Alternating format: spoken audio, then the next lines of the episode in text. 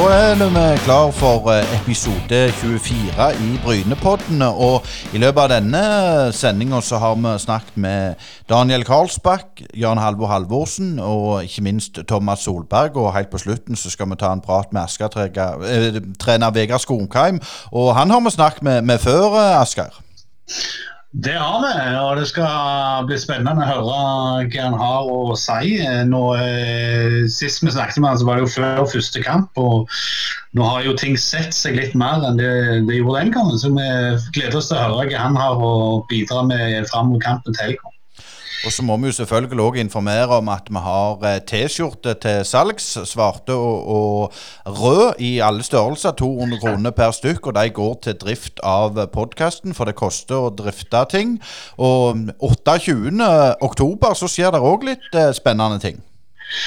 Ja, da fortsetter vi med liveshow eh, på mellombels. Og Foreløpig så har vi avslørt eh, den ene gjesten, og det er Kan du ta hvem det er? Ja, det er Ole Hjelmhaug, og da er, er eh, temaet liksom topptrener kontra toppspiller. Vi har alle gjestene klart, men vi har lyst til å drøye det litt ut for å være litt sånn litt sånn mustefysiske, men Ole Hjelmhaug han har vi offentliggjort og er klar. og Det skal bli utrolig interessant å høre hva han sier. Han er jo aktuell nå med eh, toppspiller og trener i, i Ålgård, så ja, det tror det skal bli en, en gild kveld, Asker. Ja, vi gleder oss selvfølgelig å, igjen å, å prøve et konsept som vi fikk til ganske greit sist. Så kjøp billetter, vær klar, dette blir en spennende kveld. Da skal vi over til en unge kar som fikk sin Bryne-debut i fjor. Og velkommen til Brynepodden, eh, Daniel Karlsbakk. Tusen takk. Eh, ja, du er jo ikke så gamle karen, og du er vel den yngste i, i A-lagstroppen i, i, år. Og jeg har lyst til å spørre, liksom, er det sånn at du må, må bære vannflasken, eller er det sånn at du er så høy på deg sjøl etter at du har spilt på landslaget at det andre må gjøre det? Nei, uff, det er ufattelig mye arbeid for den yngste på laget. Det, det må jeg ærlig innrømme å si. Det er vanvittig med utstyrsbæring. og Hvis vi ikke ikke med det utstyret og alt det der, så er det jo alltid legge skylda på den yngste. Så ja, det, det er noe drit, men uh, du lærer jo av det òg. Så det er vanvittig med, med, ting du må gjøre. Det er en del uskrevne regler ennå, altså? Ja, ja, ja. ja, ja det er det. men, men, du går jo på, på idrettslinja, du er 17 år, så du er jo ikke sånn eh, veldig belærte, skulle jeg til å si.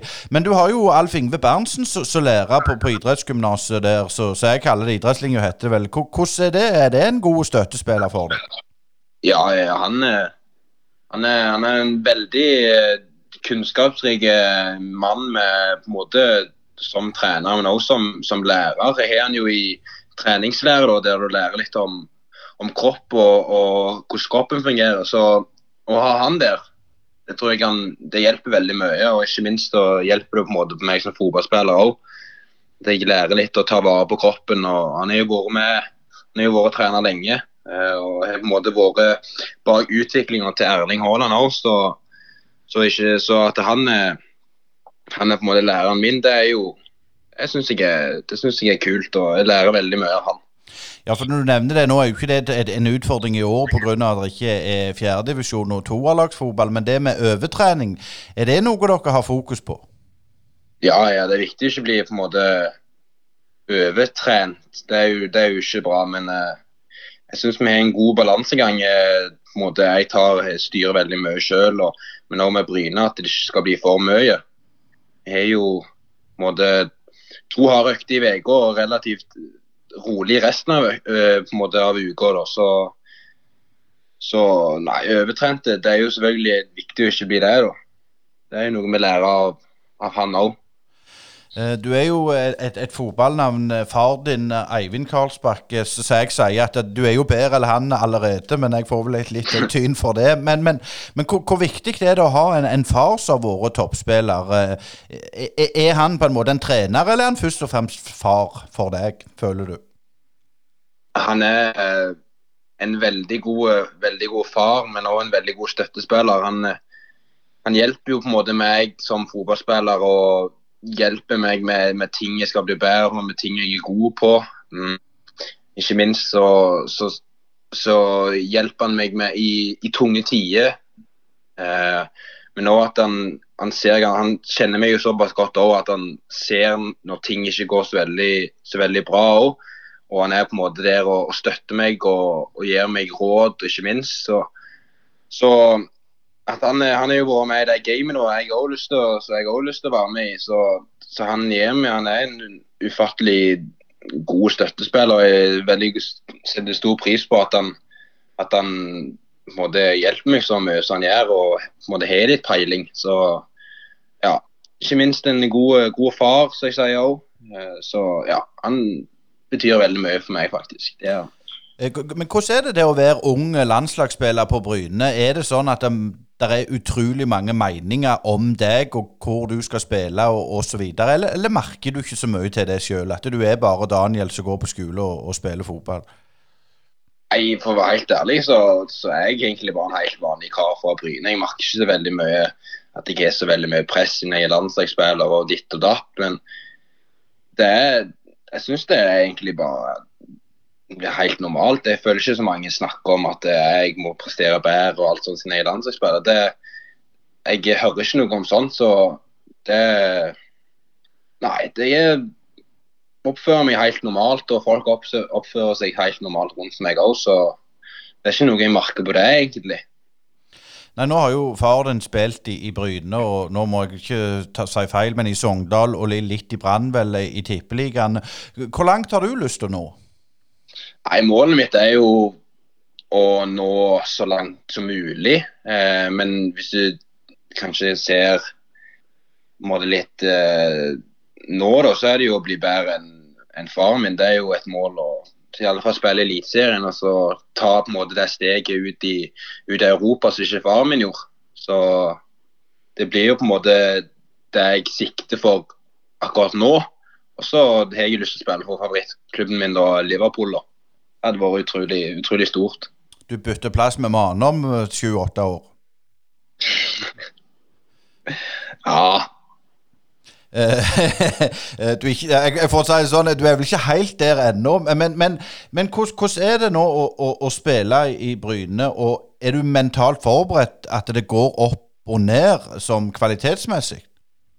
Jeg er veldig forberedt på at det, det daler for en fotballspiller. Det vil gå i bølger. Og for å bli en, på en, fotballspiller og en suksess, eh, så ja, at det vil dale, både gå motgang og, og, mot, nei, og med deg, det, det, er jeg veldig forberedt på. Det er noe jeg må tåle, og det er noe jeg eh, lærer av.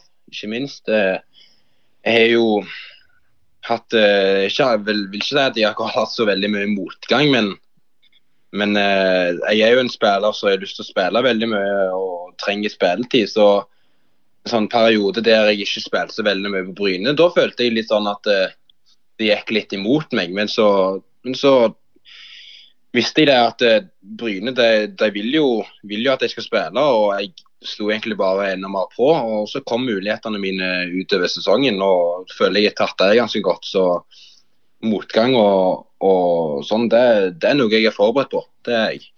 Hvor hastverk har du? Altså, for å si sånn, Jeg husker selv da jeg var ung, så, var, det, var, det, altså En måned var jo akkurat så ti år eh, når du blir eldre, men, men er du òg forberedt på at det tar tid å bli, bli god og bedre og bedre?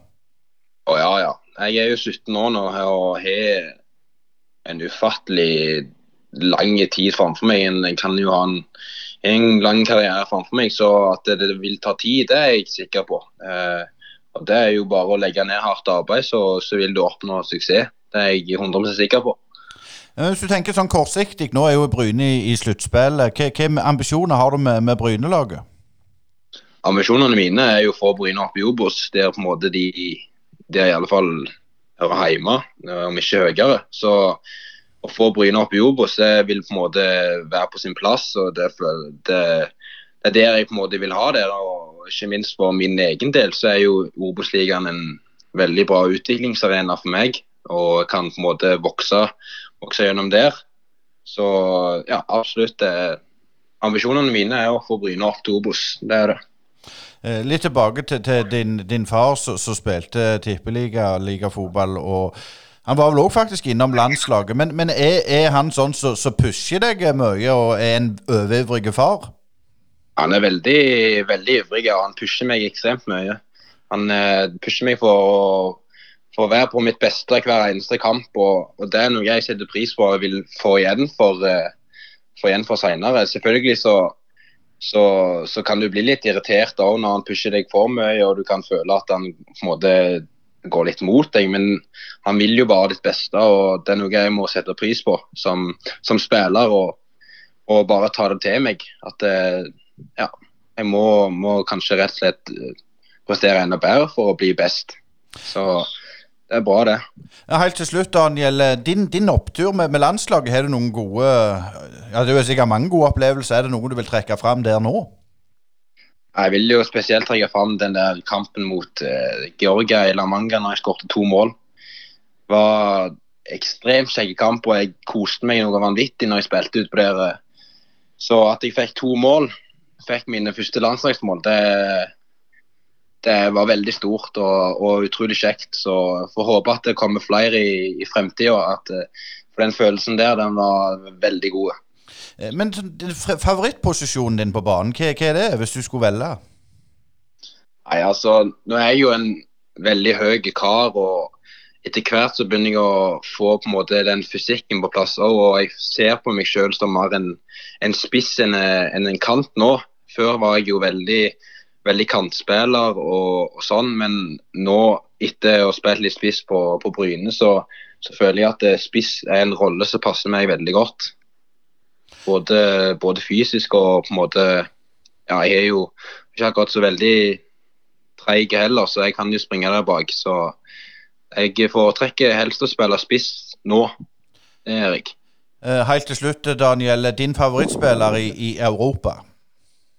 Uff, det For å si det sånn, jeg har hatt veldig mange som jeg ser opp til. Men eh, nå som Jeg ser jo på å være helt ærlig, Det Erling får til nå, det er jo utrolig stort. Så jeg ser opp til at, eh, at det kan eh, ser jeg jo selvfølgelig opp til han eh, med det han fått til. Men hvis jeg skal trekke fram en helt annen, en annen spiller, så blir det det blir eh, Cristiano Ronaldo. Det blir det. Vi har uh, selvfølgelig sjefen sjøl, Jan Halvor Halvorsen, uh, med oss uh, via telefon. Og velkommen igjen til Brynepodden, Jan Halvor. Ja, tusen hjertelig takk. Ja, Hvis vi skal ta en liten oppsummering av, av den første grunnspill, det grunnspillet, hva, hva, sier du da? Nei, veldig fornøyd med det, selvfølgelig. 30 poeng på 13 kamper, det, det er meget solid. Og kun ett tap, så så jeg er veldig fornøyd med det. Sju eh, hjemmeseier ut av sju mulige også. Så, nei, så det har vært eh, veldig stabilt og solid. Hva er det du er mest positivt overraska over? Nei, Det er jo den, det kollektive, det, det lagmessige. At vi har eh, klart å gjenskape prestasjonene helg etter helg, for å si det sånn. Og, og at vi også selvfølgelig har skåra over 30 mål. sånn at den stabiliteten som, som, vi har visst, eh, det er jeg veldig fornøyd med. Pluss at vi, vi, eh, vi har vært gode altså, i forhold til å skåre mye mål, som jeg sa. Eh, vi skal slippe til Asker snart. Men jeg tenker også, hvis du ser på de som ikke kom til sluttspillet, er det noen overraskelser der som du har lyst til å sagt, tenkte at dette var litt rart at ikke de kom med? Ja, det er spesielt ett lag eh, som jeg syns som er litt overraska og ikke klarte det, og det er Notodden fotball. Ja, det er jo vår, vår lokale helt eh, erga seg der. Men, men, du kjenner jo godt til klubben. Hadde de forventa det, men, eller, er det, eller er det sånn at de Nei, de skulle vært litt høyere? Nei, jeg tror de hadde forventa å være topp syv, ja. Helt klart. Så, så, det er vel kanskje den, den lille overraskelsen som jeg, jeg personlig syns, at de, de, ikke ble topp syv. Men eh, før vi går i gang med å se framover, så må vi jo se litt tilbake på den siste kampen eh, mot Rosenborg 2. Eh, det ble vel litt annerledes kampbilde enn en, eh, folk hadde forventa med et lag som ikke har så mye å spille for, etter at det ble klart at folk, laget ikke rykker ned i år. Ja, jo, du vet jo hva jeg mener om akkurat det der. Det, der, det er at uh, sånne kamper er alltid ekle og skumle. For det første møter vi et lag som har spilt jevnt med de fleste, og som uh, kan slippe seg løs og ikke har noe press på seg, i og med at det ble klart at de, ingen lag rykker ned. sånn at jeg er jo egentlig uenig i forhold til at man kan ikke bare trykke på en knapp og så tro at man skal vinne 5-0. De spilte tross alt 0-0 mot Arendal helga før vi møtte de. Eh, og så er det litt sånn i sånne typer kamper at eh, hvis ikke du setter 2-0 Vi satt jo 1-0 veldig tidlig, og det er jo ikke alltid det er positivt. for å si det sånn, At eh, det fort kan snike seg inn litt at dette, dette kommer til å gå lett. Sånn at Hadde vi satt 2-0, så hadde det nok blitt litt enklere. Men vi vant jo fullt fortjent og burde selvfølgelig ha skåra mer mål. og sånn, så, Men 1-0 holder, det. Tre poeng inn på konto. Det, det var det som var viktig i den kampen. der. Ja, det ser vi jo, men, men uh, allikevel så er det noe som jeg eh, tenkte litt over når jeg så kampen. Uh, og Det er jo nivået på det som nesten var et juniorlag til, til Norges nest beste lag for tida, altså Rosenborg. Hva sier det om, om, nivået i norsk fotball at et, et juniorlag presterer såpass bra i, i, en, i en annen divisjon? Ja, men du må huske på at mange av disse her ungguttene de trener fast med A-laget til Rosenborg. Og A-laget til Rosenborg eh, er jo ikke akkurat eh, det dårligste laget i Norge, for å si det sånn. Sånn at eh, de, de har en veldig god treningshverdag. Så det må vi ikke glemme. Så det er egentlig litt altså, stor forskjell på den, det laget og det laget f.eks. Odds hadde i siste kamp, hvor de måtte sende nesten et guttelag. sånn at man skal ikke undervurdere 20-åringer eh, som trener fast med A-lag til Rosenborg, eller 19-åringer. For det er, de holder ganske bra kvalitet, mange av de spillerne. Men, men, hvordan ser du din egen stall da, i utvikling gjennom sesongen? Eh, er det noen som har tatt steg som du vil framheve? Er det noen som er kanskje litt under par? Hvordan vil du oppsummere så langt? Nei, Jeg er veldig fornøyd med det kollektivet gjennom hele sesongen. Jeg synes Eh, de fleste, eller nesten alle, har utvikla seg på en positiv måte. Også de som de litt etablerte, som også var der i fjor. Eh, pluss de som har kommet inn, og også disse unge. Så syns jeg de fleste har tatt eh, skritt i riktig retning. Og det er positivt i forhold til den utviklinga vi, vi, håper på. Så, så, vil det alltid være vet du, kamper og Eh, enkelte perioder i kamper eh, hvor ting ikke fungerer 100% og Det er helt normalt. Eh, så, hvis alt hadde fungert 100% for alle hele tida, så hadde det ikke vært farlig. Eh, Joakim Holtan har vel hatt en litt sånn liten down etter han fikk rødt kort mot Vard og småskada og fikk endelig skåra mål igjen. Hva betyr det for han, tror du? Nei, Det betyr jo mye. Han, eh, som sagt så fikk han det røde kortet, og, og så gleda han seg til å Han hadde sona den ene kampen, men så ble han jo skada. Og har jo slitt litt med den skaden nå. Nå var det vel, eh, syns jeg det ja, Den største framgangen eh, var jo nå den siste kampen. Han fikk jo én omgang mot Levanger. Var ikke helt frisk da. Og så fikk han en 75 minutter mot Bærum.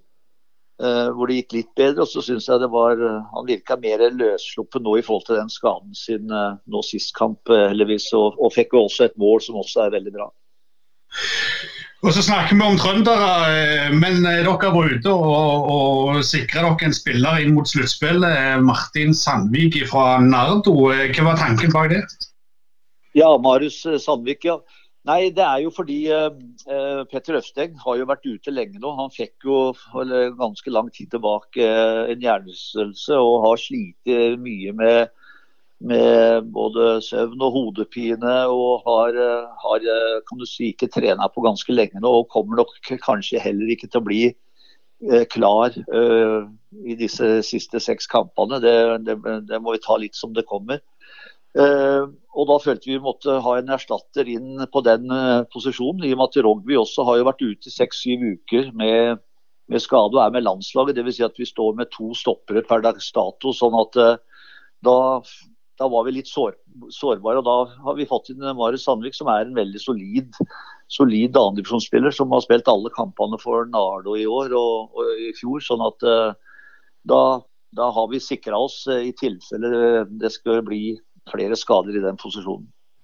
Vi må litt innom sluttspill og trekninga der, og etter jeg har forstått, så, er du, eller dere, rimelig fornøyd med den? Ja da, vi skal møte alle lagene, men det, det, jeg var litt opptatt av, var liksom litt, dette her, det var litt sånn forskjellige eh, kan du si, oppsett på dette. her, At noen, noen lag skulle få to bortekamper på rad, eller to hjemme og to hjemmekamper på rad. Kanskje den her frihelga Eh, første helga. Eh, så det vi håpa litt på, da, var jo selvfølgelig å kanskje få den frihelga litt midt i, og det gjorde vi jo. Vi, fikk den faktisk midt i også. Altså, vi spiller tre kamper, og så har vi den frihelga, og så er det tre kamper igjen. Eh, og så var det litt i forhold til Nå fikk vi også fire gresskamper. Eh, tre hjemme og én borte mot Vard. Og vi fikk eh, slapp også, kan du si, de to antatt dårligste kunstgressbanene eh, i forhold til Flekkerøy og, og Sotra, eh, i og med at vi fikk de hjemme. Så, så Sånn sett så, så var, det, var, det, veldig OK. Men eh, man skal jo møte alle lagene uansett, og man har tre hjemme og tre borte. da. Men klart Det blir jo litt artig når du har Asker borte. Der har vi på en måte noe å revansjere etter. Ja, revansjere, men NN. Og hvordan ser du på den kampen? Nei, eh, Asker er jo et veldig godt lag. Det sa jeg jo før sesongen også. og Vi spilte jo 1-1 der i første seriekamp. og Det var jo en kamp selvfølgelig kunne bikka litt begge veier, men vi var jo nærmest seieren de siste 10-15 minuttene i og med at vi hadde et par veldig store sjanser. Men uh, et godt lag som også har forsterka seg etter vi møtte de. Uh, de har vel fått inn to-tre nye spillere rett etter at uh, vi spilte mot de også, så et, et bra lag, men en helt OK kamp å spille bort i første, første runde. Men, men altså jeg tenker litt sånn som så Asker, de må jo mest vinne resten av kampene skal de ha noen mulighet. Og, og, og det åpner jo opp for, eh, for uh, kontringsfotball. Ja, det gjør det. Så det, det, vil jo bli litt sånn i dette sluttspillet at det blir uh, Man har ikke så god tid, for å si det sånn, i og med at det var seks kamper. sånn at uh, det kan, kan, passe oss veldig bra at motstanderen eh, som, regel vil ikke holde med ett poeng. Så de fleste lagene må gå for å vinne hele tida. Det, det, kan passe oss veldig bra. Men jeg har lyst til å gå inn på det som har skjedd i løpet av sesongen. Nå har jo Steinar Pedersen fått, fått eh, sparken i Arendal, og, og Fram Larvik-treneren måtte gå. Er du overraska over at det er så stor sagt, ting som skjer i, i Post Nord i år? Nei, jeg er vel ikke overraska sånn sett. Da. Men det er, det er, selvfølgelig syns jeg det er litt rart. Men eh, klubbene har eh, liten tålmodighet og, og, sånn, så det er, ja, det er sånn det er, det, det er uh, i fotballen. Altså, det å være trener er, det er et usikkert yrke, så man vet aldri. Så, så, sånn er det bare. Hvis du tar litt, Asker, nå. Ja, men Jeg vil spørre litt om de lagene vi skal møte nå framover. Hva du syns om de eh, generelt? altså de man møter. Altså, Vard er jo overraska voldelig i år for å være et lag som kommer fra tredje i fjor. Eh, ja da, og jeg tippa jo Asker de uh, var høyt oppe på tabellen før sesongen, uh, som dere sikkert husker.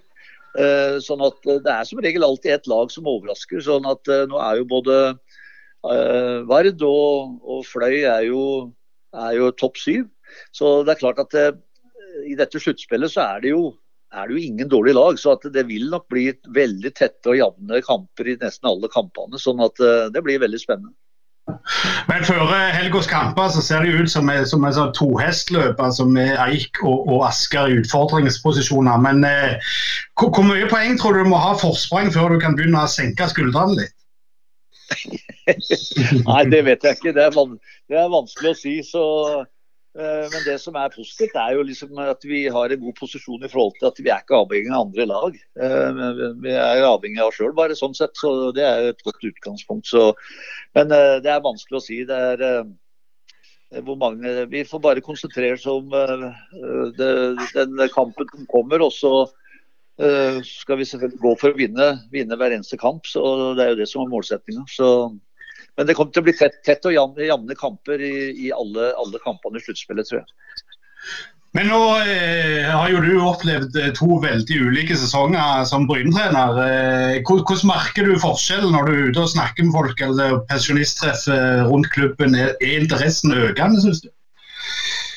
Ja, den er jo det. Det er jo mye, som man sier på, på Bryne, mye gildere selvfølgelig, selvfølgelig nå enn en, en, i fjor. Men på den annen side så er det jo er det jo sånn i forhold til med fotball at uh, når man skal bygge opp et lag, så, så, tar det litt tid. Og så er det en sesong hvor det butter litt, og så plutselig så, så får man da en sånn sesong som nå hvor vi eh, er med helt i toppen. og Det var jo det som var målsettinga i år. Det var det ikke i fjor, men i år har det vært målsetting fra, fra tidlig i vinter at eh, vi skulle være med helt i toppen. og det er vi jo nå. så så det er bra.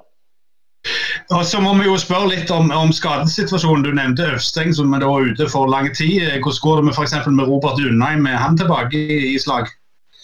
Ja da, han har trena i går og i dag. Altså litt sånn forsiktig, men det kjennes veldig bra ut. Og, så det, det, ser bra ut med Robert. Og så er det Joakim som har fått en ganske sånn hard behandling i dag eh, av naprapaten vår eh, i forhold til den hofta si. sånn at eh, Eh, regner med at det skal, skal, skal gå bra. Eh, og så er det som sagt, som vi var inne på med Petter, det vil nå ta ganske lang tid, tror jeg. Men ellers så ellers er eh, alle friske og raske. Rog, vi er jo selvfølgelig borte med landslaget, da. I, I de tider så hadde du vel bare kjørt på med et par kortisonsprøyter og så sprunget ut uansett hvordan det lå an? Hadde du ikke ja, det var litt mer sånn før i tida. Det, var, det, det kjente kortisonsprøyta rett inn og så ut og spille. Men heldigvis er det jo blitt litt strengere nå. Øystein? Ja, vi må jo komme med, med litt sånn tips hvordan du tror uh, dette går. Er, er, du så trygg på, på, på, på deg sjøl og, og, troppen din at dette går veien? Det er veldig vanskelig å si. Altså, som jeg har sagt alltid, så vi har veldig trua på oss sjøl. Og det har vi jo laget visst også, at vi i den stabiliteten de har visst i hele år. Men så vet man jo det at uh, det er masse ting som skal klaffe. og I den Post Nord-ligaen så er det jo kun ett lag som rykker rett opp. Uh, og det er mange lag som satser veldig hardt. sånn at For å lykkes så, så, så, tror jeg det viktigste er at altså det sterke kollektivet til laget er veldig viktig. At alle drar i samme retning og ofrer seg for hverandre. Hvis alle gjør så godt de kan, så kan man ikke gjøre så mye med, men da går det som, som regel veldig godt. Men, men, men, hvor lenge Altså, jeg, jeg bare tenker sånn, sånn, for din del. Hvis det ikke skulle gå, har du tenkt den tanken, eller er det bare sånn at dette, dette går bra, og, og, og kjører på? Jeg tenker aldri den tanken at ikke det går. Jeg er veldig optimist. sånn at uh, jeg, jeg, har alltid trua, det hadde jeg jo i januar, på at vi skulle være med i toppen i år. Uh, og det sa jeg jo klart og tydelig at Eh, at vi skulle. Så, men man vet jo aldri. altså Man har jo aldri noen garantier. og det er eh, som dere også vet, så er det mange faktorer som spiller inn i en fotballkamp. altså Mange eh, faktorer som kan påvirke et resultat. Det kan være eh, ja, en dommertabbe, det kan være en keepertabbe, det kan være et sjølmål. Altså det, det, er så mange ting som, som påvirker et resultat. Så det viktigste er at alle har positive tanker og, og har trua på seg sjøl. Det viktigste er også at eh, vi har fokus på oss sjøl og hvordan eh, vi skal opptre, og stole på våre egne ferdigheter. Nå Jan Halvor, er det jo, eh, det er jo seint allerede. Normalt så er vel det nærmer seg jo slutten av sesongen på denne tida. Vi tenker kanskje det er sommer ennå, siden det er bare midt i serien. Men hvordan tror du det blir med baneforholdene framover, altså ut i oktober-november? Er, er banen til Bryne god nok til å kunne ha dere hjemme ut sesongen? Ja, det er, jo, det er, jo alltid litt væravhengig selvfølgelig her nede i forhold til med, med alt regnet som eventuelt eh, kommer. Men, eh, men, eh, stadion er jo veldig fin nå. Nå er vi jo heldigvis fått lov til å trene både på Kåsen og på Lye på gressbanen. Og så må vi jo se også nå denne uka her skal vi også trene to, altså fredag og lørdag på, på Nærbø på kunstgressbanen. Uh, og Det må vi også se på litt seinere i høst. Hvis banene er veldig veldig veldig våte og tunge, så må vi også vurdere å trene da litt mer på kunstgress for, for belastningens skyld, og også for, kan du si, for, for stadion sin del. da. Hva kampbilde forventer du mot Asker nå til, til helga? Altså, det var jo en av en sist uh, relativt jevne kamp. Dere kjenner dere, dere er jo kommet til en annen sted nå enn, den litt nervøse første kampen. Hvordan har du for deg til helga? Jeg ser for meg at det er to lag som vil vinne. Så jeg ser for meg ja, en veldig åpen og offensiv uh, kamp fra begge lag, egentlig. Sånn at Eh, Asker, som vi har vært inne på, de, de eh, vil helt sikkert ha den der attituden at de må vinne. og det som er viktig for oss, er at vi ikke får en sånn litt defensiv inngang til kampen. At vi må være litt forsiktige. vi, Det viktigste er at vi går ut og angriper og tør å være oss sjøl. Det, det, er det viktigste for vår del. Helt til slutt, Jan Halvor. Hvordan, reiser dere, og hvordan forbereder dere nå? Eh, nå går jo kampen eh, søndag halv fem, så vi flyr ti på halv tolv på søndag. Så det er et veldig bra opplegg å hjem igjen eh, med fly etter kampen. Lykke til. Tusen hjertelig takk. Det var gildt å være med hos dere.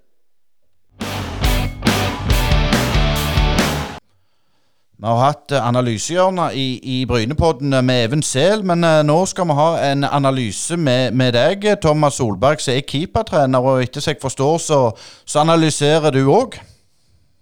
Ja, stemmer det. Jeg uh, syns det er viktig å uh, jobbe litt med, med keeperne. Uh, ja, både før og etter kamp.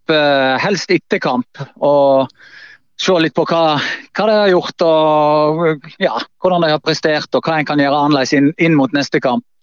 Så Der, der drev jeg en del med. Men hvis du forteller veldig konkret, nå, hvis vi tar Rosenborg 2-kampen, hva, hva, gjør du? Hva er din arbeidsoppgave etter, ja, før og etter kamp? Ja, altså Før kamp så er det egentlig å eh, være i lag med, med Even og Jan Halvor og ja, eh, snakke litt og se litt på siste finishen og sånn eh, inn mot kamp. Eh, det er jo Even som tar seg av dette med analyse av, eh, av lag og motstander og sånne ting. da. Og så er det egentlig å være der for, ja, i dette tilfellet Igor, da. Så jeg og Sondre og Igor vi, vi, snakker litt om kampen og hva som kan møte Igor i, i uh, deler av kampene og på cornerer og alt mulig av dødballer og sånne ting. Og så er det jo å varme han opp og, og få han uh, klar til, til kamp. Uh, I tillegg så, så bruker jeg kameraet mitt som jeg er veldig fornøyd med. Et GoPro-kamera som jeg har bak målet. Da, som jeg, jeg filmer alt som skjer ja, i 16 meter og rundt Igor. Der, da. Så det er et veldig godt hjelpemiddel. Eh, fortell litt mer om den, den filmen. Hvordan eh, bruker du den i ettertid? Altså, Den eh, filmen her, måten å gjøre det på, da, da ble jeg introdusert for egentlig når jeg var med landslag tidlig, tidlig da, og brukte det mye der. Og det er, det er et kamera som på en måte Du får veldig gode bilder på, på hvordan keeperen jobber, både i forhold til til eh, forsvarerne og medspillerne. da, Og i forhold til hvordan han agerer på, på en del ting i, eh, på dødballer. På, ja, og du kan, du kan nørde veldig, og det liker jo vi keepertrenere å gjøre en del. Og se på ja, kroppsstilling og utgangsstilling, eh, posisjonering.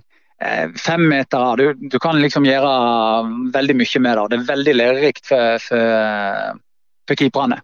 Men når du sier sånn, så er jo ikke dette et kamera som du tar fra, fra sendinga til, til direktesport. Det er et eget kamera, er det sånn å forstå? Ja, det er det. Så det, jeg bruker jo selvsagt da eh, Når vi skal analysere kampene etterpå, så går vi òg gjennom klippene til, keeperen da, eh, fra den vanlige sendingen òg. Men dette her er på en måte noe ekstra. Noe som eh, fokuserer mest på forsvarsarbeidet eller, og keeperarbeidet da, inn mot Forsvaret. der. Så så det er på en måte en sånn ekstra, ekstra hjelp til å kunne ta noen sånne små steg hvis det er noe å rette på. Ja, for jeg, jeg faktisk, Du har vist meg da, det så jo ut som dette kameraet var på, på nettet bak. og Har, har Igor fått noen aha-opplevelser etter du har spilt av dette?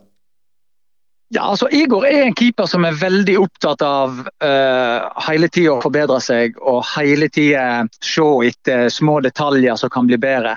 Han uh, er jo en ambisiøs keeper. og og uh, Han er jo en god keeper, og han, uh, men han som alle andre har forbedringspotensial og kan hele tida finne nye ting. Og, og det kameraet der, det hjelper han og meg til å liksom kunne gå inn og, og se på de da, detaljene der. og, og ja, prøve å rette litt på det, jobbe litt med det gjennom uka mot neste kamp f.eks.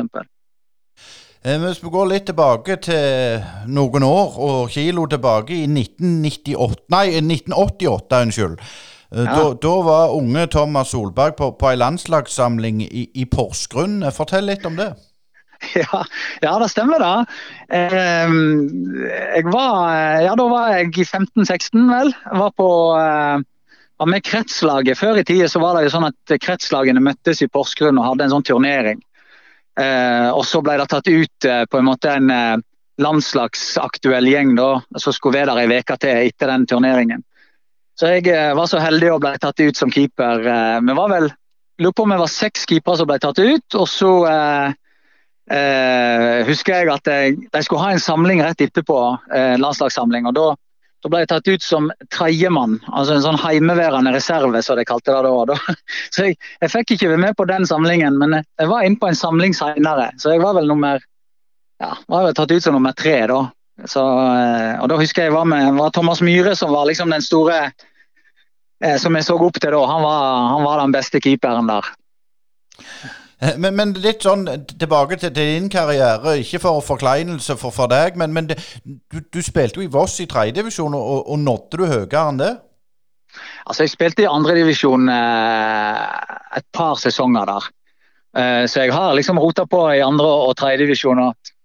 Det er sånn at eh, skal du bli skikkelig god, skal du, bli, skal du nå toppen som, som keeper, da var det jo da, og sånn er det jo nå. og da da, må du ha du må være god på alle de fire komponentene.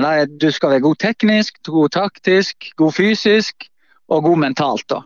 Og jeg, eh, jeg vil vel påstå at jeg hadde de tre første. Men, og, og litt av det mentale òg, for jeg var flink til å trene jeg hadde selvtillit. og sånne ting, Men jeg mangla den der eh, gutsen og motet til liksom å, å bryte opp ifra det trygge eh, hjemme på Voss. Og liksom ta det steget ut og, og eh, ta sjansen i litt større klubber når jeg hadde mulighet til det. For Ja, hadde du Eh, mulighet?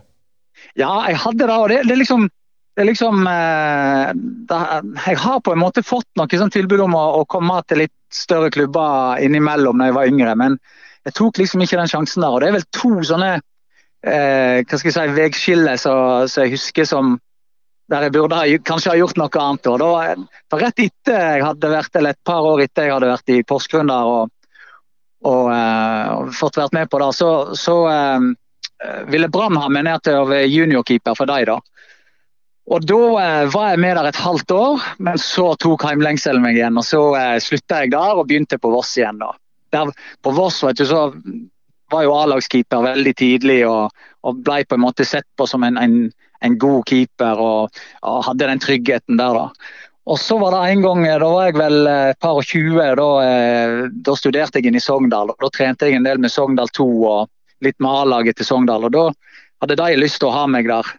Men da òg takket jeg nei. altså. Så det, det er litt sånn, Du må ha det der motet og du må ha den der eh, den mentale styrken til liksom å bryte opp og, og ta de sjansene du får. da. Så, så den hadde ikke jeg. Så Jeg hater jo sånne som som sitter på puben når de er 40-50 år gamle og sier at de kunne lett ha spilt eh, i, topp, eh, i toppen, men, men det ble ikke noe av pga. ditt og datt. Så.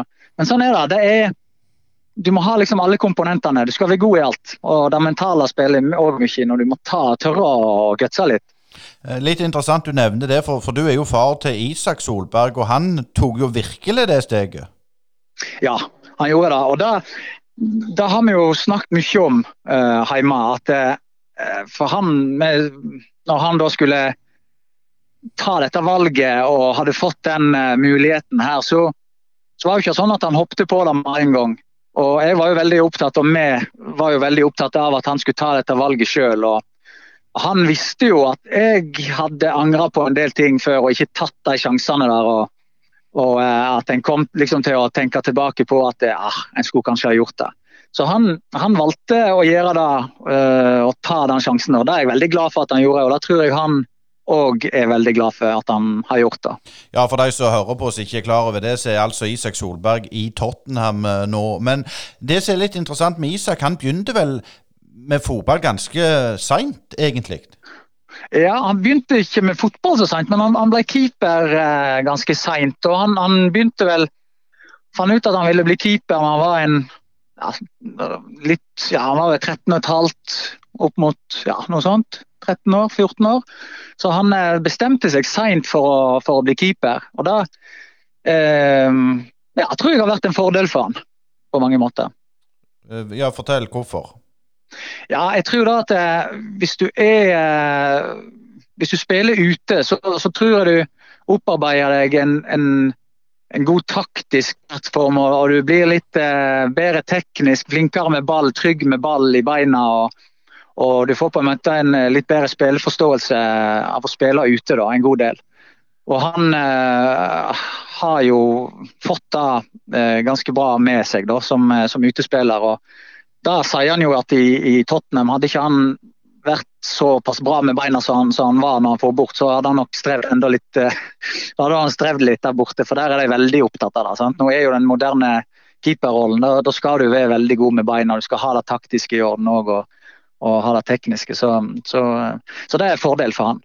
Han savner ikke Bryne, han, eller sånn som så, du gjorde, eller, eller, går det greit? Ja, han, han er litt Eh, eller han er en helt annen eh, type enn det jeg var, sånn sett. Han er, han er eh, veldig sånn ja, trives vi å komme i nye miljøer og er, en, er på en måte trygg, trygg i seg sjøl og, og eh, liker dette her og, og ja, prøver nye miljøer og sånne ting. Og så er det jo sånn at han, han har jo på en måte flytta litt på seg, så han er ikke så rotfast som jeg var til Voss. da. Nei, for hvis vi går tilbake til, til din fotball eh, eh, Ja, tid i fotballen, så, så, spilte du jo litt fotball. Men når var det du bestemte deg for å prøve trenergjerninga? Det var egentlig ganske eh, tidlig, vil jeg si. Jeg har alltid likt å så Jeg ble jo lærer, så jeg har alltid hatt lyst til å bli lærer òg. Så jeg har liksom alltid hatt den der med å lære opp og, og være en sånn på en måte ja, en som er der og trener andre. da. Så, så eh, jeg ble vel keepertrener litt sånn eh, ja, litt på hobbybasis hjemme på Voss eh, for damelaget, som da var i førstedivisjon. Og trente litt yngre keepere og sånn. og så jeg har alltid, alltid, alltid likt det. Men så kom det, så begynte det vel for alvor når, når jeg fikk jobb i Brann i utviklingsavdelingen der og hadde ansvar for, for keeperne der 13-19 år. Så da, men, men da var jeg 20, Hvordan fikk, du, hvordan fikk du den jobben i Brann?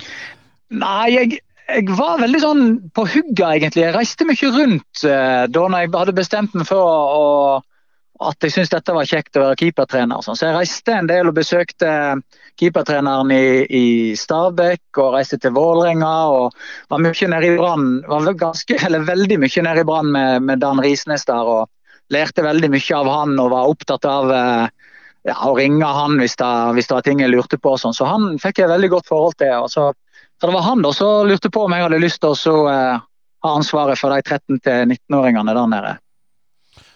Og så, og så, var du i Brann noen sesonger, men så var det vel, vel andre som plukket deg opp etter hvert? Ja, da var det Da passet det seg sånn at eh, Espen Isaksen, som var keepertrener i, i Tromsø, han eh, skulle gi seg.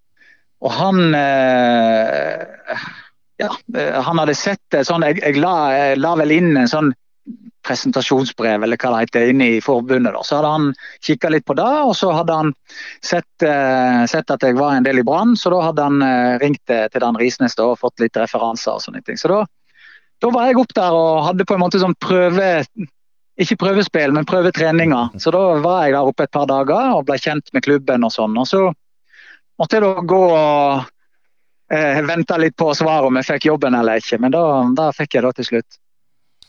Men, men da, da, var liksom Det var greit å flytte til Tromsø, for det var jo ikke så langt fra Voss. Nei da. Nei, det var eh, det er veldig rart med det. altså. Da var det på en måte, da hadde jeg funnet ut at det var, det var mulig å flytte vekk fra Voss òg. Det, det, kunne la seg gjøre, det òg. Så, men jeg er jo imponert, jeg er jo ikke så imponert av meg sjøl for jeg klarte det. Men jeg er veldig imponert over eh, Siri, kona mi og ungene og sånn, som bare heiv seg på og ville være med opp der. Når uh, var det Bryne kom på banen? De, altså Nå er det jo din andre periode i, i, klubben. Ja, jeg var jo oppe i Tromsø da, ja. Og så uh, følte vi jo litt på at uh, ja, det var litt langt unna dette her. Og litt, uh, litt vanskelig å komme seg hjem og sånne ting for hele gjengen. Og trivdes veldig godt, altså. Men, men vi fikk plutselig en sånn forespørsel, forespørsel om om jeg kunne tenke meg å få jobb på Bryne. Og så ja, begynte nå tankene våre og begynte å diskutere litt. og Så tenkte vi at det kunne være interessant.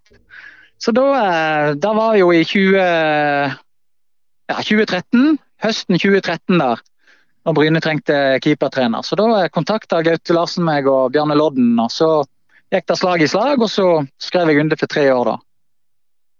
Ja. Og så, eh, da flytta du jo hjem til Voss da òg, etterpå, ei lita stund?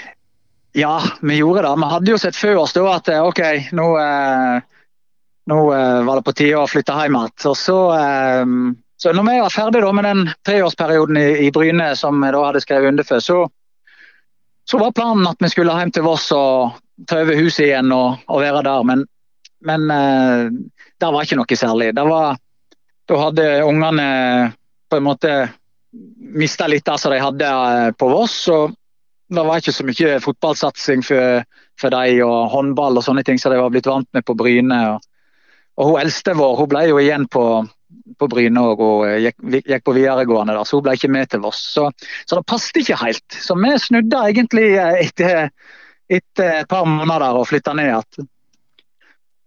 Ja, for å si det sånn, den, den, den klubben du kom til, Bryne, kontra den du kom til andre gangen, var det store forskjell? For det er vel tre år imellom, sånn cirka? Ja, det er jo, ja, det er jo faktisk eh, eh, Jeg var jo tre, tre år ja, eh, i Bryne først, og så eh, vekke i tre år, og nå er jeg tilbake. Da, så jeg, jeg, kan ikke si Ja, ja, det, det er vanskelig å si, altså. Men eh, jeg synes jo alltid, jeg har alltid vært glad i Bryne, og alltid syntes at Bryne fotballklubb har vært en sånn god plass å være og flinke folk. og Da, det var det da, og da er det nå. Så, så sånn sett er det, er det jo likt. da. Det er klart at nå, akkurat i år, så har det jo på en måte vært veldig sånn Man ligger i toppen. og Da, å ligge, da å gjøre det bra sportslig, da, det har veldig mye å si for hvordan en, alle trives og hvordan humøret er og sånn på alle. Men jeg vil jo si at kompetansen og sånn har jo alltid vært god i Bryne, syns jeg. Men det speiler nok litt at det, eh, kanskje det var litt, litt mer sånn give og go nå både i og, og rundt klubben, pga. at vi gjør det så bra nå, da. Eh, nå jo, har jo jeg sagt det på poddene at jeg òg er keeper og følger veldig med på, på, på keeperne rundt forbi. Og det er klart, Når du var ung og lovende, og, og den keeperrollen som er i dag Du nevnte de fire eh, kvalitetene, men, men det med, med, med, med, beina, som du sier altså, Jeg påstår jo det. En, en Premier League eller en tippeliga-keeper kan jo spille i Post Nordligaen ute. Ja, altså, det er jo Ja, jeg er jo tilbøyelig til å være enig med deg. Det er jo eh, det er enorme krav som blir stilt til keeperne altså, i forhold til det å, å kunne være ballfordeler og, og eh, ja, være trygg med ballen i beina. Og, og kunne, ikke minst det taktiske òg, utenom det, det, det, å være god med beina og teknisk. Så, så det er helt, det, det er helt annen verden, egentlig. Det har vært en revolusjon der, de siste ti årene. altså. Så så eh, det er helt andre krav som blir stilt nå, ja.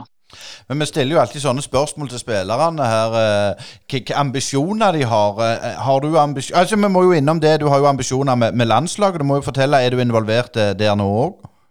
Nei, jeg, jeg, er ikke det. Etter at jeg begynte som, som lærer igjen, altså når jeg ikke har vært i Bryne fotballklubb, så, så var jeg med med landslaget i halvannet år der. Men det var ganske vanskelig å å kombinere det med å, å være lærer, da, da, da, var det vanskelig å få fri. Så, så nå siste halvannet året så har ikke jeg vært eh, med landslaget. Da. Men jeg har jo veldig lyst eh, egentlig å være med litt eh, igjen der, og har jo god kontakt med en del av de som er inne der. Så vi får se om eh, det lar seg gjøre å, å kombinere det litt igjen.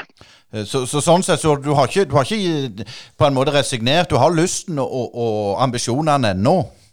Ja, helt klart. Er, jeg tror jeg trengte litt å vekke litt fotballen òg. Var litt godt da òg, på en måte. Men eh, det er alltid det som ligger i bunnen, da, å være keepertrener og være trener. Det, det syns jeg er eh, veldig kjekt. Og, og, jeg har jo brukt masse tid på å ta eh, det som er av utdanning innen keepertrenerrollen nå. Da, sånn at det, det hadde jo vært litt dumt å bare gitt det opp òg. Så, så, jeg har ambisjoner. Jeg har veldig lyst til å, å drive med dette her. og veldig lyst til å, å, gjøre en god jobb i, i Bryne FK i, i flere år framover. Helt til slutt, Thomas, når du nevner det med, med, med keeper-trenerutdanning altså, Før i tida så var det jo sånn at det var en som var skada, som bare skjøt på keeperen litt, og, og det ble bare, bare spill, òg i toppfotballen. Fortell litt om den, den utdanninga du har hatt. Ja, altså jeg har jo tatt eh, utdanningen eh, Først har jeg jo tatt eh, opp til UFAB på, som vanlig trener. Da, altså vanlig UFAB-lisensen. Den, den, må du ha for å kunne gå videre som, eh, som keepertrener. Eh, men så har jeg da tatt eh, alle, hele keepertrenerstigen, kan du si. Da, helt opp til Du har Uefa eller du har NFF høyeste i Norge, og så har du noe som heter Uefa keepertrener A, da, som er på en måte europeisk eh, Den er lik, lik, over hele Europa, da. Så alle land i Europa har den utdanningen der. Så den, den valgte jeg faktisk å ta i Danmark, for jeg eh, syns det var veldig kjekt å ja, prøve noe nytt og få litt uh, større perspektiv på, på ting. Da. Så, så, det er en, en omfattende utdanning. Det er over ja, nå jeg lurer på om han er over to år, eller halvannet eller to år. Det er, det, er, mye jobb, det er mye klubbesøk, det er mye innleveringer, det er mye Eh, samlinger. Så, så, det er omfattende, men uh, utrolig lærerik. Da må vi jo selvfølgelig stille det vanskelige spørsmålet. To spørsmål skal du få. Beste keeperen per nå, og beste keeperen overhodet? Ja, jeg vil nok si, i og med at man snakker mye om taktisk og teknisk med beina, fotballspiller, så, så har jeg lyst til å si uh, Ter Stegen. Jeg. jeg liker han veldig godt. Han har på en måte alt, syns jeg. Um, men min, mitt idol har alltid vært en som ikke var så veldig teknisk flink, egentlig. Da, men han, han, hadde så mye annet med seg. Han hadde bare en sånn aura rundt seg som var bare helt eh, enorm. Så det, Peter, Peter Schmeichel syns jeg alltid har vært eh, fantastisk. Ja, men Det var litt interessant det med Ter Stegen, for den her så jeg ikke helt komme. Hva, hva syns du at han har så, så F.eks. sånn som så Allison i Liverpool, De Gea når han var på sitt beste. Hva har han som ikke de andre har?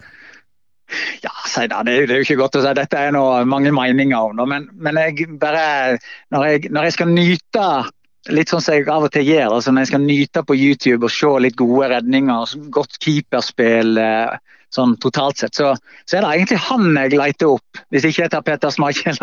For han er han har på en måte alt. Han, han, kan, han, er god med høyre fot, han er god med venstre fot. Han kan, han kan eh, han kan på en måte styre et helt forsvar. Han, han er taktisk klok. Han han er god eh, skuddstopper. Eh, han, han, har på en måte hele spekteret av det som en liksom ser for seg at en keeper skal ha nå.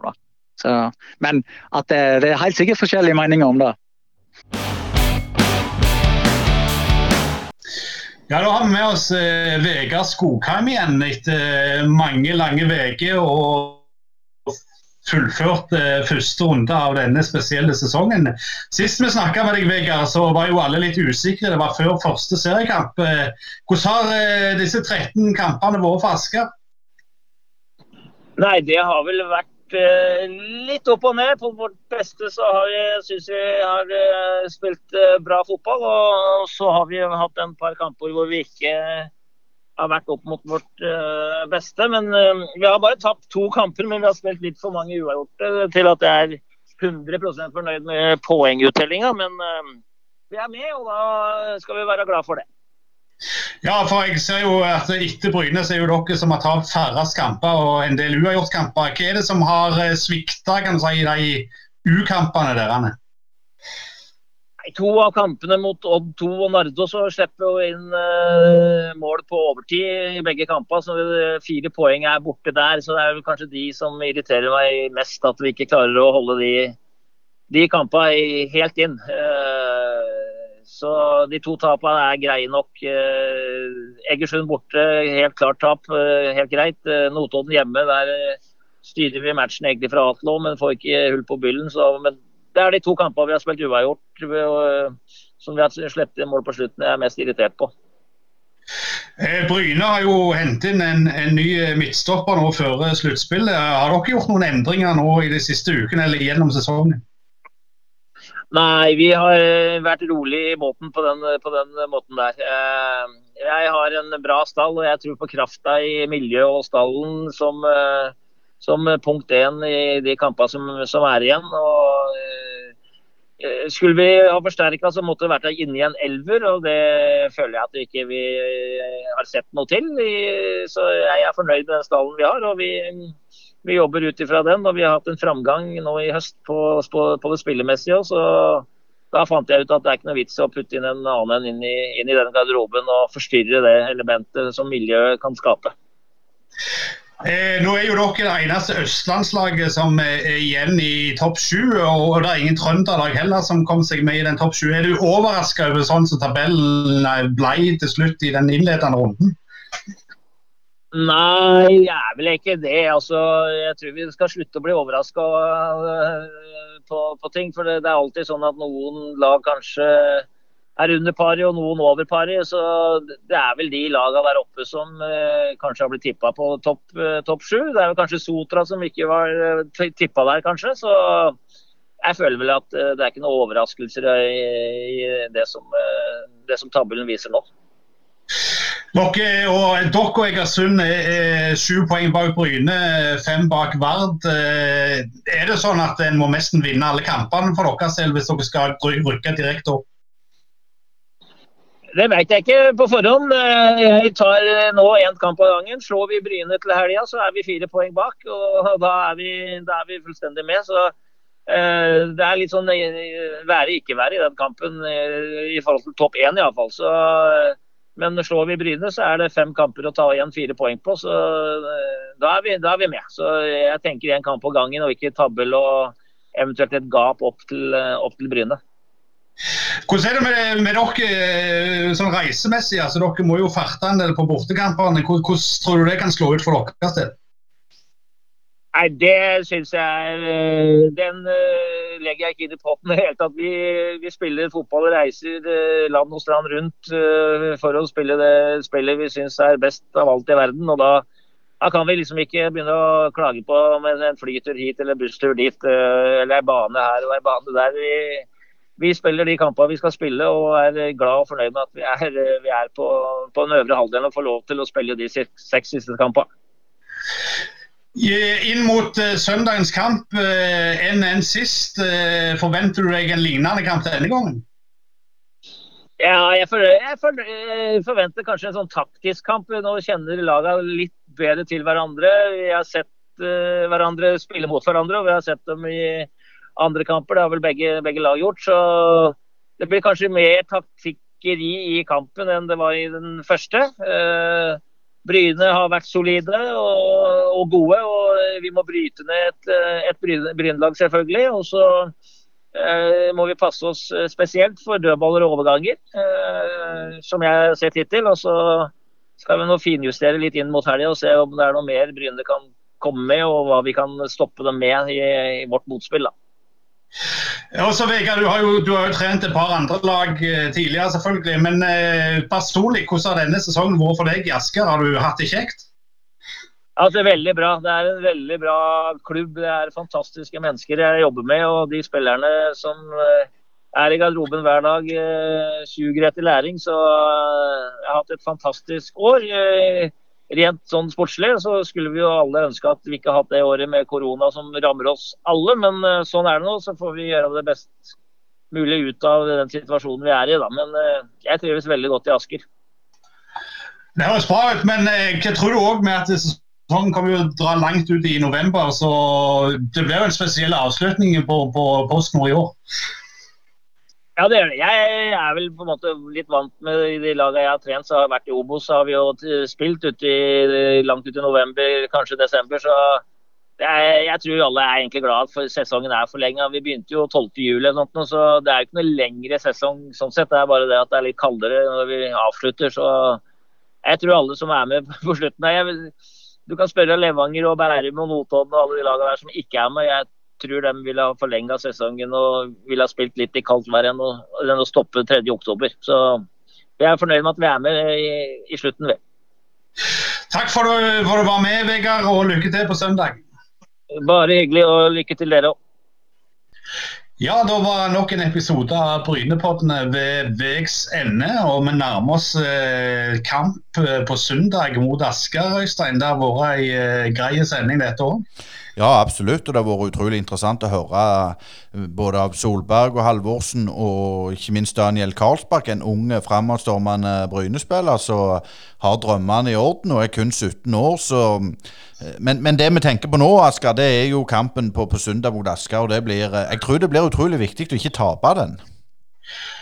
Ja, det er jeg eh, enig med deg i. Eh, Asker må jo vinne den kampen. og Selv om de kanskje ikke vil innrømme det, men, men eh, det er jo en kamp som, som taper de den, så er de på en måte hekta av. i hvert fall med tanke på direkteopprykk. Så det er jo en enormt viktig kamp for dem. Og, og Bryne må òg fortsette litt der de slapp. og å ta poeng igjen. Og, og, Det gjør jo det at hvis de vinner på søndag, så kan de gå videre i sluttspillet med heva hode og, og, få en slags flying start. Eh, nå vet de jo litt mer om Asker enn de gjorde sist kamp. Og, og, de vet jo hva de har prestert i denne sesongen, men vi skal jo ikke avskrive Asker heller. De har kun tapt to kamper i år, så det er absolutt en spennende kamp vi venter oss der. Og så er det jo litt løye når, når Jan Halvor sa det at han, han var litt overraska over at Notodden ikke kom i, i sluttspillet. Hva er dine tanker rundt det? Forventningene, var det de lagene som kom så, så du trodde kom til sluttspillet?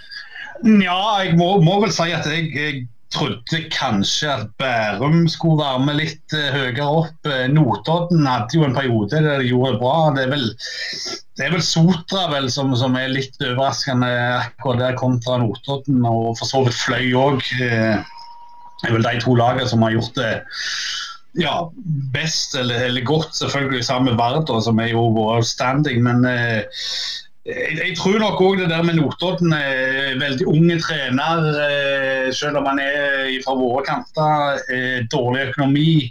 Mista en del spillere, selvfølgelig. Så jeg syns Notodden har gjort det relativt bra. og Det får vi jo bare håpe at de spiller jo med senka skuldre. De kan jo ikke rykke ned. Så, så, det kan jo være at de får sett laget litt bedre utover høsten, tenker jeg da. Eh, når det gjelder vår gruppe, så, så, så, må vi jo bare se det an. Men jeg tror nok eh, den kampen Eik Vard Haugesund eh, blir jo veldig viktig for å gi en pekepinn hva som forventes utover høsten. Tror du ikke òg det?